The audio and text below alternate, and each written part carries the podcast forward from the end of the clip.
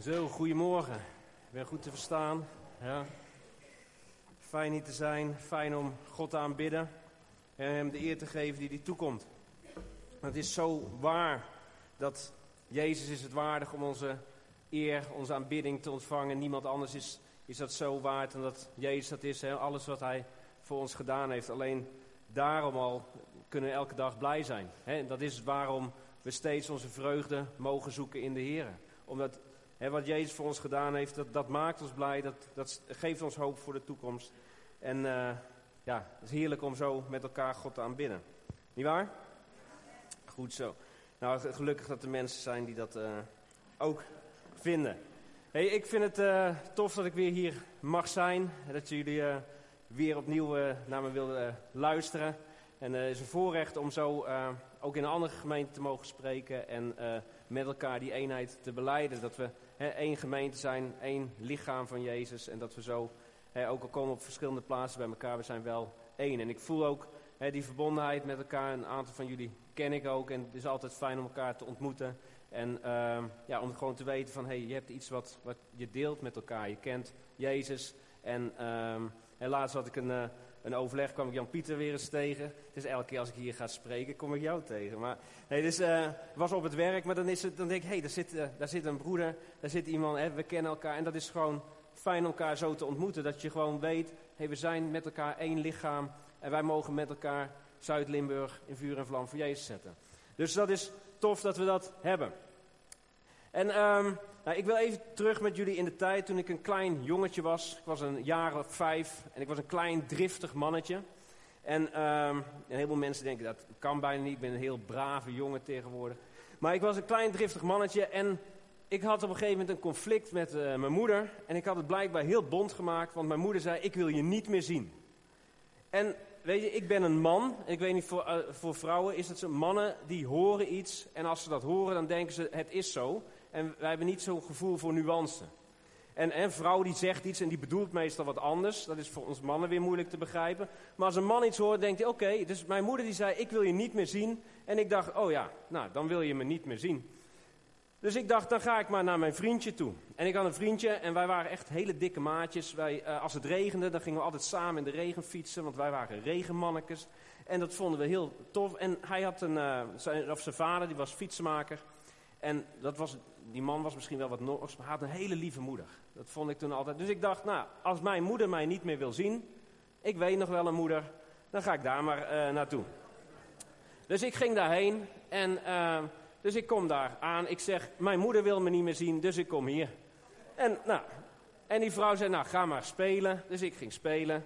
En op een gegeven moment was ik heel verbaasd. Opeens de toch wel strenge blik van mijn moeder opeens daarboven uh, binnen te zien komen. En ik dacht, hè, ze wou mij toch niet meer zien. Maar goed, dat was dus een misverstand. Mijn moeder wou me wel zien, maar die wou me even niet meer zien. Nou, dus uiteindelijk legden ze dat uit. En zei ze, ik wil je heel graag toch weer zien. Ik wil ook graag dat je weer thuis komt. En uiteindelijk ben ik weer meegegaan en is het allemaal goed gekomen. En heb ik een uh, goede relatie met mijn moeder. En ik wil met jullie mee naar nog, verder geleden, uh, nog langer geleden. Een jongeman die ook door zijn moeder weggestuurd werd. En dit keer niet omdat zijn moeder hem niet wilde zien, maar omdat zijn moeder bezorgd was. Zijn moeder was bang dat hij uh, ja, gedood zou worden door de andere zoon.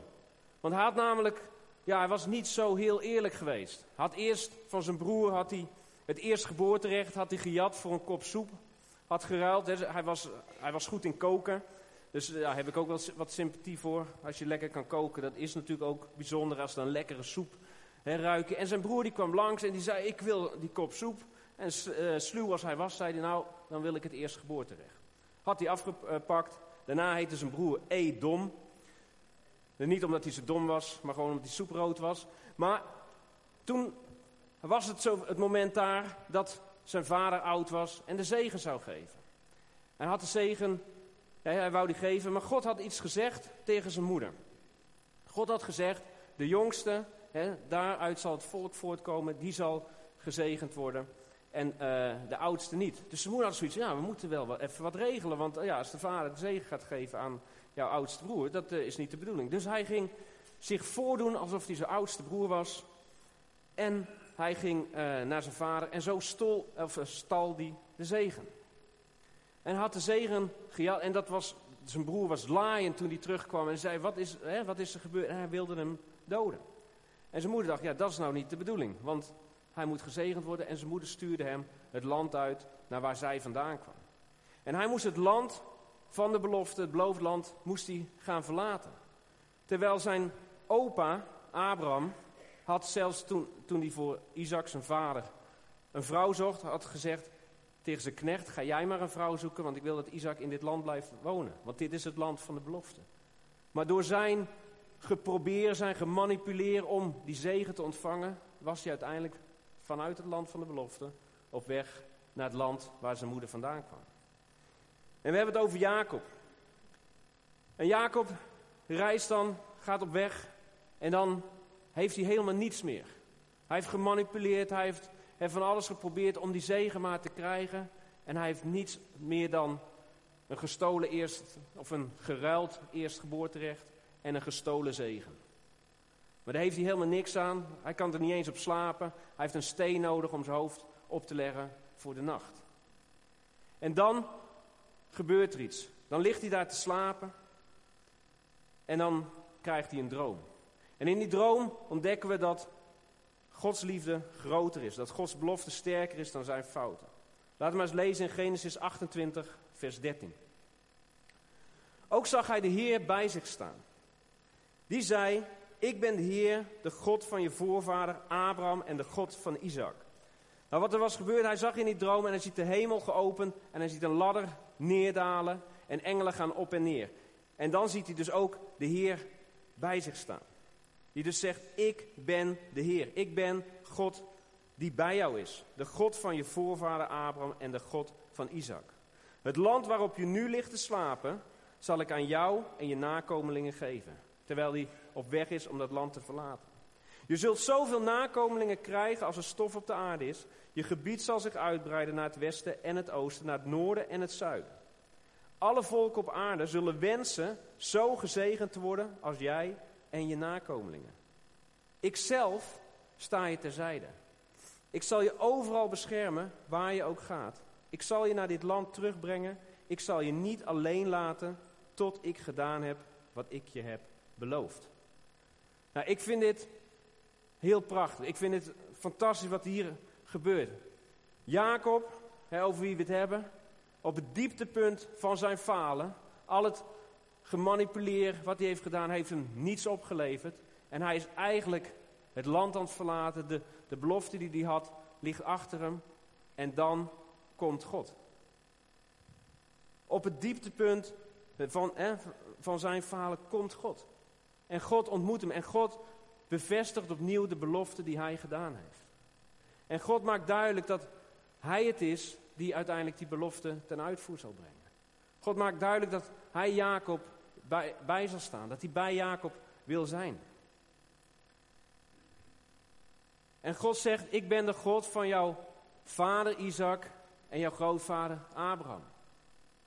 Maar God zegt, en ik ben ook jouw God. En dat is wat God ook tegen ons wil zeggen. En wij als gelovigen, wij zijn ook kinderen van Abraham, worden we genoemd. En heel vaak kunnen we denken, ja, ik ken God als de God van mijn ouders. Of ik ken God als de God van wonderen die op andere continenten gebeuren. Of ik ken God als de God van de Bijbel. Of God als de God van de voorganger. Maar God zegt, ik wil ook jouw God zijn. Ik wil bij jou zijn. Ik heb voor jou ook een belofte. Ik heb voor jou ook een droom. Ik had voor Abraham en Isaac had ik een droom, had ik een belofte. Maar ik heb hem ook voor jou.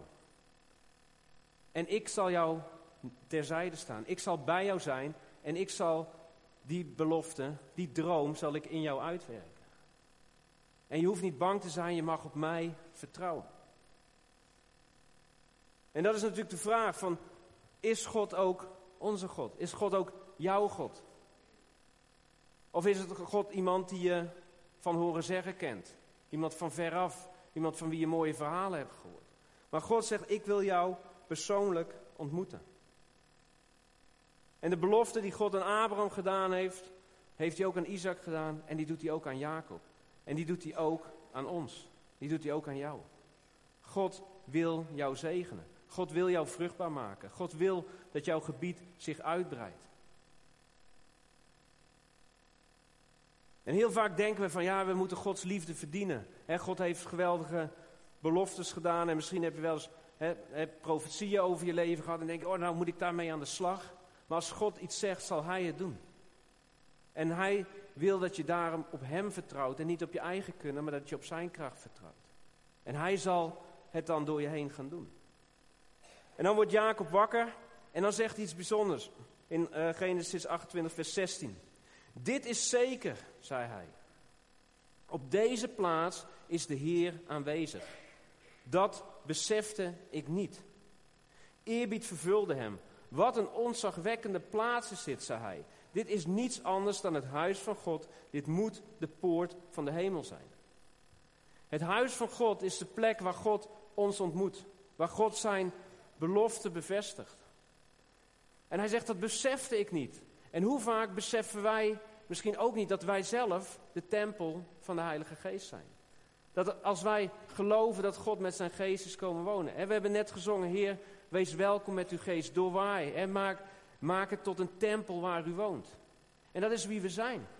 Wij zijn een tempel waar God wil wonen. Maar beseffen we dat altijd? Soms zijn we misschien zo bezig met alles wat mis is aan ons, of met alles wat we moeten bereiken, dat we vergeten, God woont in mij. God heeft zijn geest in mij gestort om mij bij te staan, om mij krachtig bij te staan, om mij te helpen met de uitdagingen die ik heb.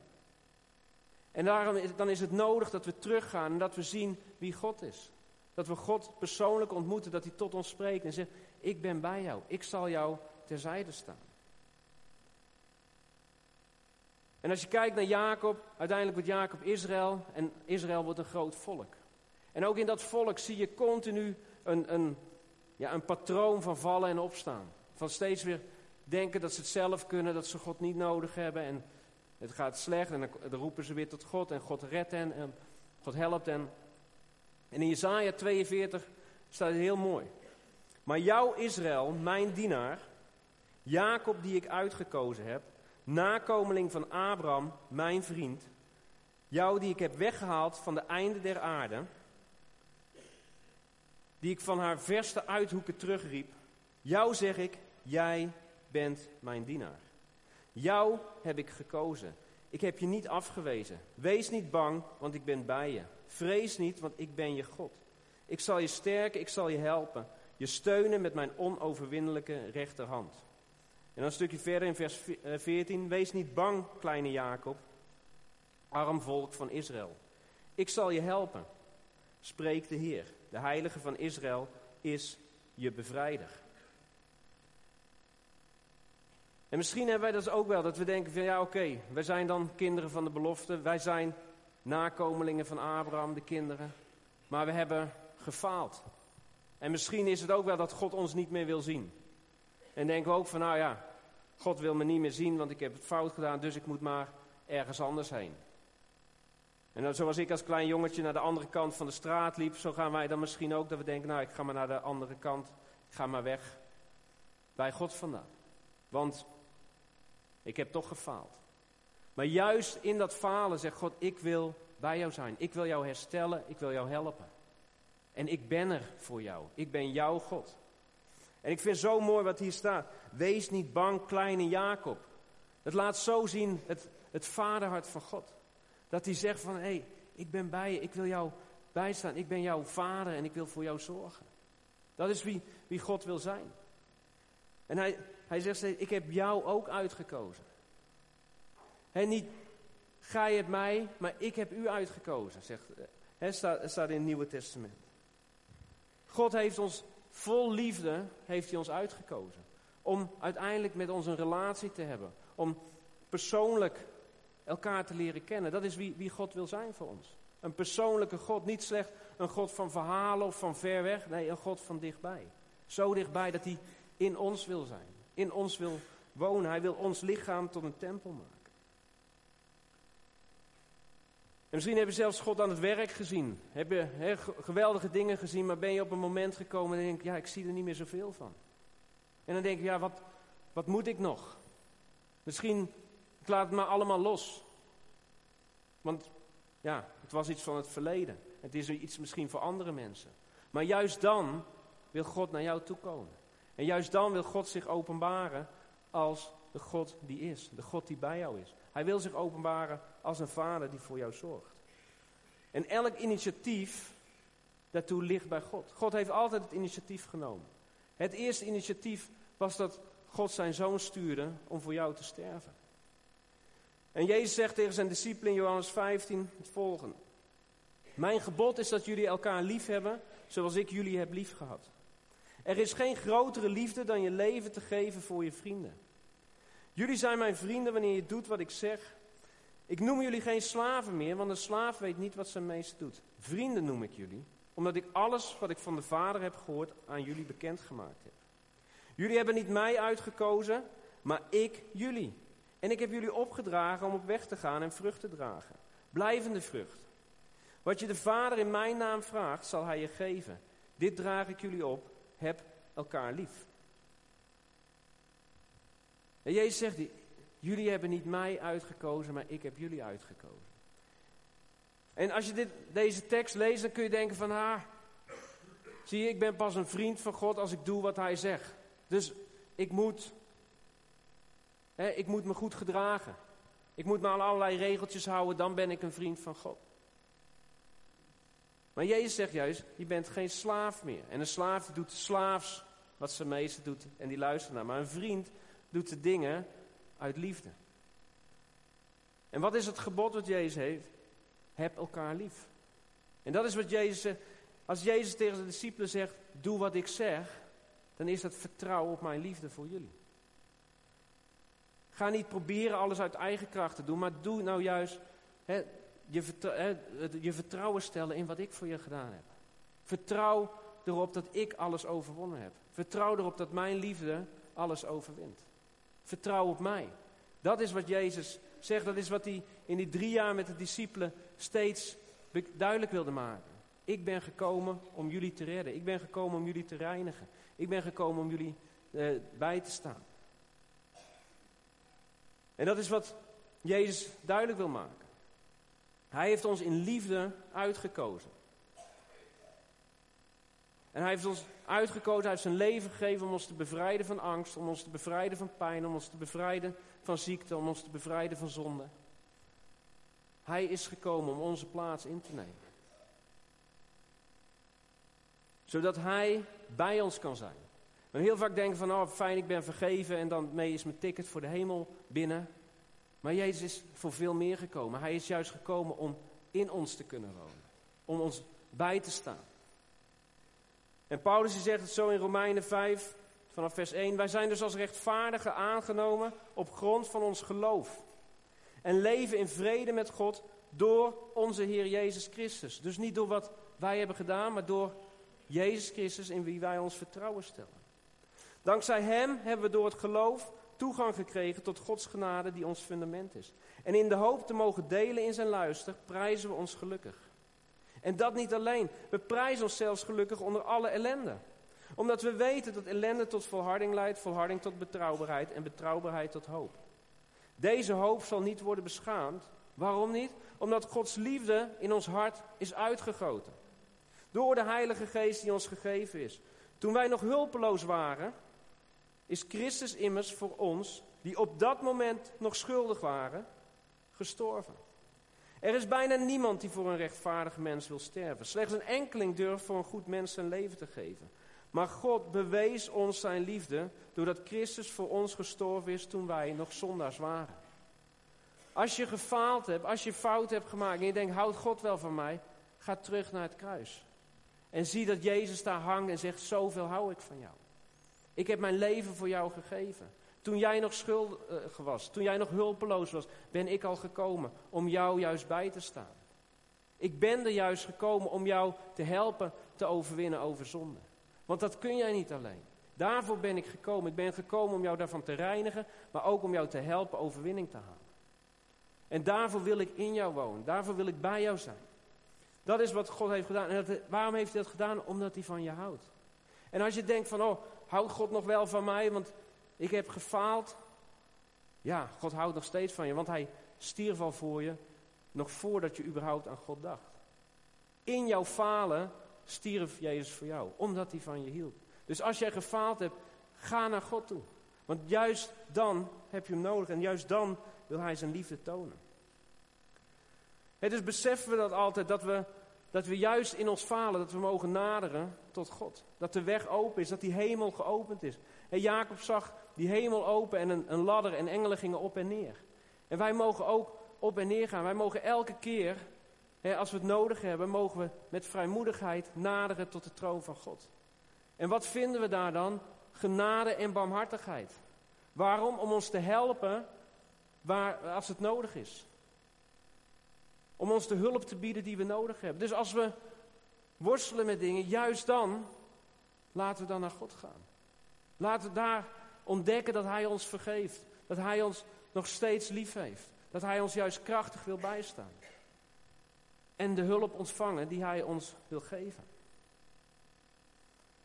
En het is, als je, als je die, dat leest van, hè, dat Jezus ook zegt in Johannes 15, dat we vrucht moeten dragen. Dan kunnen we ons zo focussen op die vrucht. Er is nu zo'n reclame, dan zie je zo'n man die, die heeft een potje staan met, een uh, plantje erin. En dan heeft hij net alle aarde erin gezet. En dan zit hij daar zo. Ja, kom op dan! Nou, zo kunnen we soms ook kijken naar ons geestelijk leven. En zeggen we, kom op dan! Waar zijn nou die vruchten? En dan denk ik, nou, ik heb weinig vrucht, dus het is slecht. Maar wanneer ga je vrucht dragen? Wat, wat is het eerste wat je moet doen? Je moet zorgen dat die pot goed gevuld is met hè, um, vruchtbare grond. Dat er goed water op komt, hè? dat er goede vochtvoorziening is. Zodat uiteindelijk dat plantje kan groeien, dat hij zijn wortels hè, kan, um, kan uitbreiden, kan wortelen. En als die pot te klein wordt, zet je hem in een grotere pot. En dan gaat hij groeien. En uiteindelijk zet je een plant in de grond, kan die nog verder groeien. En dan groeit hij. En dan komen er een keer vruchten aan. Maar het eerste is dat je geworteld moet zijn. En dat is voor ons ook. Als wij vrucht willen dragen, zullen we ons moeten wortelen in Christus. Ons moeten wortelen in zijn liefde. En dieper en dieper en dieper. Want hoe dieper onze wortels zijn, hoe beter we bestand zijn tegen stormen, tegen het tegenslag. Maar we kunnen ons soms zo focussen van, oh zijn die vruchten er wel en doe ik het wel goed en ben ik dan wel, ben ik dan wel een goede christen, ben ik wel die vriend van God die ik moet zijn?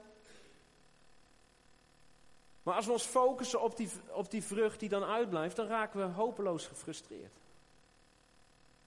Ik heb momenten gehad dat ik dacht van ja, ik ben een slecht christen, ik doe dit niet goed, ik doe dat niet goed. En op een gegeven moment denk ik van ja, waarom, waarom ga ik eigenlijk? Ik ben een schijnheilige, ik zit daar in die kerk en ja, ik kan net zo goed nog wel wat meer dingen doen die niet, niet goed zijn. Maar op het moment dat ik kijk naar wie Jezus is voor mij, dan word ik blij. Dan word ik enthousiast, dan wil ik dan wil ik daarover vertellen. Dan wil ik uh, deel zijn van zijn lichaam. Dan wil ik die pilaar zijn in, in zijn huis. Omdat ik zo enthousiast ben over Jezus. Maar als ik kijk naar mezelf, naar wat, wat er allemaal nog niet goed is, ja, dan word ik echt hopeloos gefrustreerd. En dan word, dan, dan word ik down en dan denk ik van, nou, ik heb weinig te bieden. Maar ik heb ook weinig te bieden. En daarom heb ik Jezus nodig, want Jezus heeft alles te bieden en wil dat in mij uitleven. Hij heeft zijn liefde in ons uitgestort. En die liefde die mag gaan stromen door ons heen. En als we, dat, als we dan nog wat vruchten missen, dan moeten we niet naar die vruchten kijken. Dan moeten we kijken hoe diep zijn mijn wortels. En moet ik misschien nog wat meer liefde opzuigen. En Johannes die begint zijn evangelie met te vertellen hè, dat de wet door Mozes is gegeven. Maar dat de genade en de waarheid door Jezus Christus zijn gekomen. En dat is, de wet heeft alleen maar waarheid. Als je je spiegelt aan de wet, dan zul je altijd zien van dat je tekort schiet. Dan zeg je, ja, ik heb dit overtreden, ik heb dat overtreden. Als je de berg Jezus in de berg reed, legt hij de wet zelfs nog even een stapje hoger. Als je een vrouw aankijkt om haar te begeren, dan heb je in je hart al overspel gepleegd. Als je idioot zegt tegen iemand, dan heb je in je hart al moord gepleegd. Nou, ik, ik las dat, hè, elke keer als ik lees, denk heer, ik ben schuldig. En als je dat leest, dan denk je, ja, dat gaat hem nooit worden. Dat, dat is toch onmogelijk, want ja, zeker in het verkeer, ik ben af en toe uh, wat ongeduldig. En dan zeg ik wel eens wat. En denk ik, nou, dan ben ik schuldig. En als ik me daarop focus, dan denk ik, ja, het wordt helemaal niks. Maar als ik me focus op Jezus, dan weet ik, hé, hey, Hij helpt mij ook om geduldig te worden. En dan ben ik die volgende keer in het verkeer, denk ik, oké, Die persoon heeft misschien ook haast. Zegen hem, Heer. En dan zie ik dat de verandering gaat komen en dat ik me anders ga gedragen, omdat ik mijn vertrouwen stel op Jezus. En niet op mijn eigen kracht. Want de wet is door Mozes gegeven, maar genade en waarheid zijn door Jezus gekomen. Dus Jezus bracht niet alleen waarheid, dat je weet van hé, hey, ik, ben, ik ben een zondig mens, ik heb gezondigd, ik, ik verdien het om, om straf te krijgen.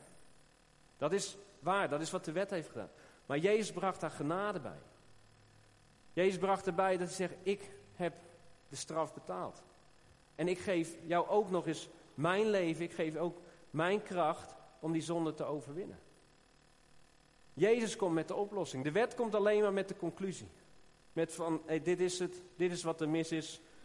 Je verdient straf. Maar Jezus komt van, oké, je verdiende wel straf, maar die neem ik. En ik kom ook om jou te helpen. Dan gaan we even terug naar Jacob. Als we kijken naar Jacobs leven. Hij heeft dan in Bethel heeft een ontmoeting met God. En daarna ontwikkelt zijn leven zich met vallen en opstaan. Maar je ziet vanaf dat moment wel dat hij altijd met God is. Ook al maakt hij soms nog fouten. En op een gegeven moment worstelt hij zelfs met God. En daarna loopt hij mank, omdat God hem op de heup slaat. Maar vanaf dat moment heet hij Israël. En Israël betekent Gods strijd, maar je kunt het ook vertalen als strijder Gods. En daar zit iets bijzonders in. Omdat de naam Jacob, daar was hij nog hielenlichter, beetje hè, de bedrieger. Kun je denken, dat was hij. Maar daarna heeft hij uiteindelijk hij heeft God vastgehouden. Hij zei, ik laat niet los voordat u mij zegent. En uiteindelijk wordt hij een strijder gods terwijl die mank loopt. Hij is juist geraakt in zijn kracht. Hij is niet meer de jonge, krachtige Jacob die er daarvoor was. En juist vanaf dat moment is hij strijder gods. Waarom? Omdat hij weet dat God voor hem strijdt. Dat hij niet zelf meer hoeft te proberen om die belofte die God hem heeft gegeven, om die te verdienen. Maar omdat hij weet, God zal uiteindelijk die belofte in mij uitwerken. Hij weet door wie die gezegend wordt. Hij weet dat God voor hem zorgt. En dan is hij oud geworden en is hij verenigd met zijn zoon Jozef, die verkocht was als slaaf door zijn broers, omdat hij het lievelingetje was van, van uh, Jacob. En omdat hij, uh, en Jozef was naar Egypte, maar ook dat, alles werkt mede ten goede. Uiteindelijk werd Jozef onderkoning, er komt de hongersnood. En Jozef is degene die zorgt dat er voldoende eten is voor iedereen. En dan komen ze uiteindelijk weer samen, omdat zij ook eten nodig hebben. En zijn allemaal samen weer. Jacob is oud geworden. En Jacob gaat bijna sterven. En dan komt Jozef met zijn twee zoons bij Jacob, bij Israël. En ze komen daar en hij heeft twee zonen bij zich, Manasse de oudste en Ephraim de jongste. En Jacob zit daar, al een oude man, hij is een beetje, beetje blind aan het worden. En hij zit, en normaal is het de rechterhand, zegen je de oudste mee. En de linkerhand de jongste. En die krijgt zo van, eigenlijk meer een aai over de bol. Van, je bent ook een goede jongen. Maar de zegen gaat naar de oudste. En Jacob komt en Jacob kruist zijn armen. En hij legt zijn rechterhand op de jongste. En zijn linkerhand op de oudste. En Jozef denkt nog, nou, pa is echt blind. Ik moet het, dat hoort niet zo. En hij zegt, nee, het hoort wel zo. En daar zit een beeld in wat heel mooi. Uiteindelijk Manasse, zijn naam betekent hij die doet vergeten. En Efraims naam betekent hij die dubbel vrucht draagt. Of een dubbele vrucht. En we gaan een paar duizend jaar verder. En we zien twee zonen van een vader op een platform staan. De een is een terrorist, heeft gemoord, is schuldig, is opgepakt, verdient het om te sterven. En de andere is een weldoener. Hij heeft alleen maar mensen genezen. Heeft alleen maar liefde gegeven. Heeft alleen maar mensen bevrijd. En de vraag wordt gesteld, wie mag vrij uitgaan? Je zou zeggen, de terrorist, die moet gestraft worden, dus de weldoener moet vrij uitgaan. Maar opnieuw kruist de vader zijn armen. Degene, de weldoener, die neemt de plaats in van Barabbas, de zoon van de vader die de terrorist is. En de terrorist gaat vrij uit, de schuldige gaat vrij uit en de onschuldige wordt gestraft. Manasse, hij die doet vergeten. Jezus is onze Manasse. Jezus is het die doet vergeten. Jezus is het die ervoor zorgt dat de Vader aan onze zonden en onze tekortkomingen niet meer denkt. Jezus die de zonde doet vergeten, die onze schuld doet vergeten. En wij die schuldig waren, wij worden Ephraim. Wij worden het die dubbel vrucht dragen. Omdat Jezus in onze plaats gestorven is. Omdat Jezus met ons van plaats geruild is. Hij die geen zonde kende, is geworden zonde. Zodat wij zouden worden de gerechtigheid Gods in hem. Jezus heeft met ons van plaats geruild. Zodat hij onze straf kon dragen en zodat wij al de zegen die aan hem eh, verbonden is, alle, alle kracht, dat wij die zouden hebben. Zodat wij een leven van overwinning kunnen leiden. En misschien kun je naar voren komen, Rijn. Dus als we kijken naar ons leven, als we ons kijken hoe ons leven is, we kunnen ons focussen op datgene wat niet goed is. Of we kunnen ons focussen op wie God is. Kunnen luisteren naar de woorden die God heeft gesproken tot ons. Dat hij zich openbaren wil als de God die is, de God die nabij is.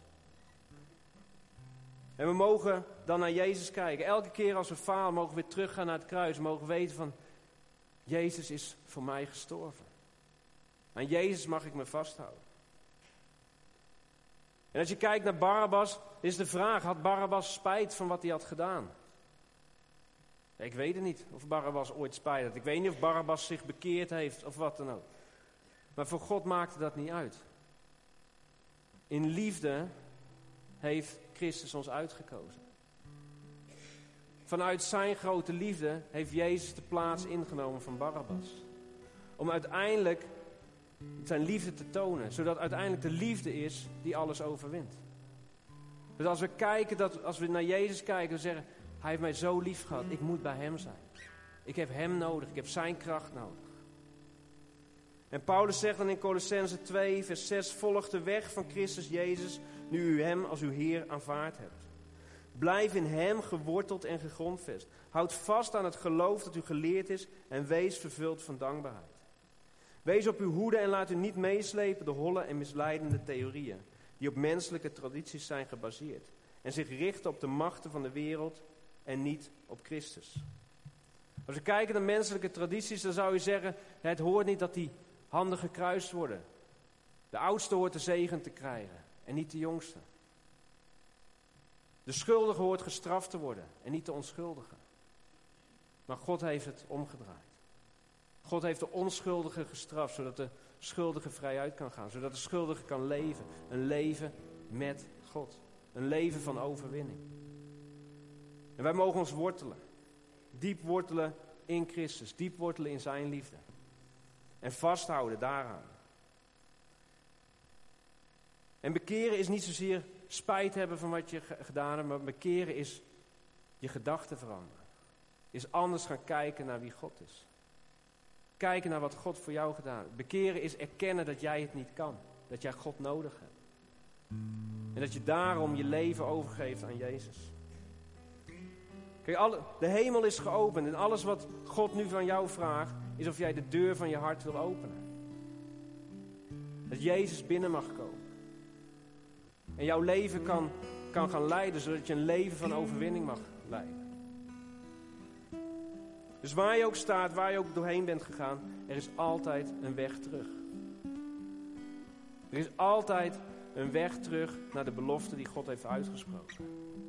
Als we Jezus' hand maar vastpakken, als we die deur maar openen, zodat Hij kan komen met Zijn geest en door ons heen kan werken.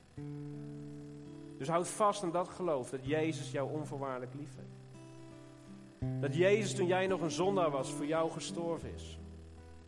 Dat Jezus die geen zonde gekend heeft, zonde werd, zodat jij de gerechtigheid Gods in Christus werd. Wortel je in Hem, wortel je in Zijn liefde. En wees meer dan een overwinnaar. Amen. Laat het moment onze hoofden buigen. Vader, dank u wel voor uw onvoorwaardelijke liefde. Dank u wel dat u, dat u in liefde ons heeft uitgekozen. Heer, zelfs toen wij nog hulpeloos waren, toen wij nog schuldig waren, toen wij nog zondaars waren, toen bent u gekomen. En heeft u uw liefde geopenbaard door uw zoon te geven. En Jezus, heeft uw liefde laten zien door te sterven aan het kruis. Heer, zo veel houdt u van ons. En Heer, misschien zijn we hier met, ja, met onze, onze zorgen, onze pijn, onze fouten. Maar dank u wel dat u hier bent vandaag om ons te herstellen. Dat u hier bent vandaag om u te openbaren als de God die is, de God die nabij is. En Heer, ik bid dat u onze ogen opent. Heer, dat we u zien zoals u werkelijk bent. Heer, openbaar uzelf als de God die is, de God die ons nabij is. De God die ons terzijde staat, die ons helpt totdat u uw belofte heeft uitgevoerd. Heer, dank u wel daarvoor. En ik wil um, een moment vragen als, als je je aangesproken voelt. Als je zegt van ik wil, ja, ik, voel dat ik, dat ik die deur van mijn hart open moet zetten. Dat ik me over moet geven aan, aan Jezus, aan zijn liefde. Ik heb te lang geprobeerd vanuit eigen kracht. Als je ervaart dat jij dat bent, wil ik een moment vragen of je hand omhoog wil steken. Je zegt van ik wil mij overgeven aan Jezus. Als je een moment je hand wil opsteken, dank u wel, ik zie de hand. Ik zie meerdere handen. En laten we met elkaar bidden. En de gemeente mag meebidden als een gebed bidden. Heer Jezus, dank u voor uw liefde. Dank u dat uw liefde onvoorwaardelijk is. Dank u dat uw liefde alles overwint. En Jezus, ik geef mezelf aan u over. U bent mijn Heer. Niet langer mijn wil, maar uw wil geschieden in mij. Heer, ik open mijn hart en ik ontvang uw liefde. Dank u wel dat ik uw kind ben, rechtvaardig, geliefd en dat u mij bijstaat. En dank u wel dat ik in uw kracht elke uitdaging zal overwinnen. In Jezus' naam.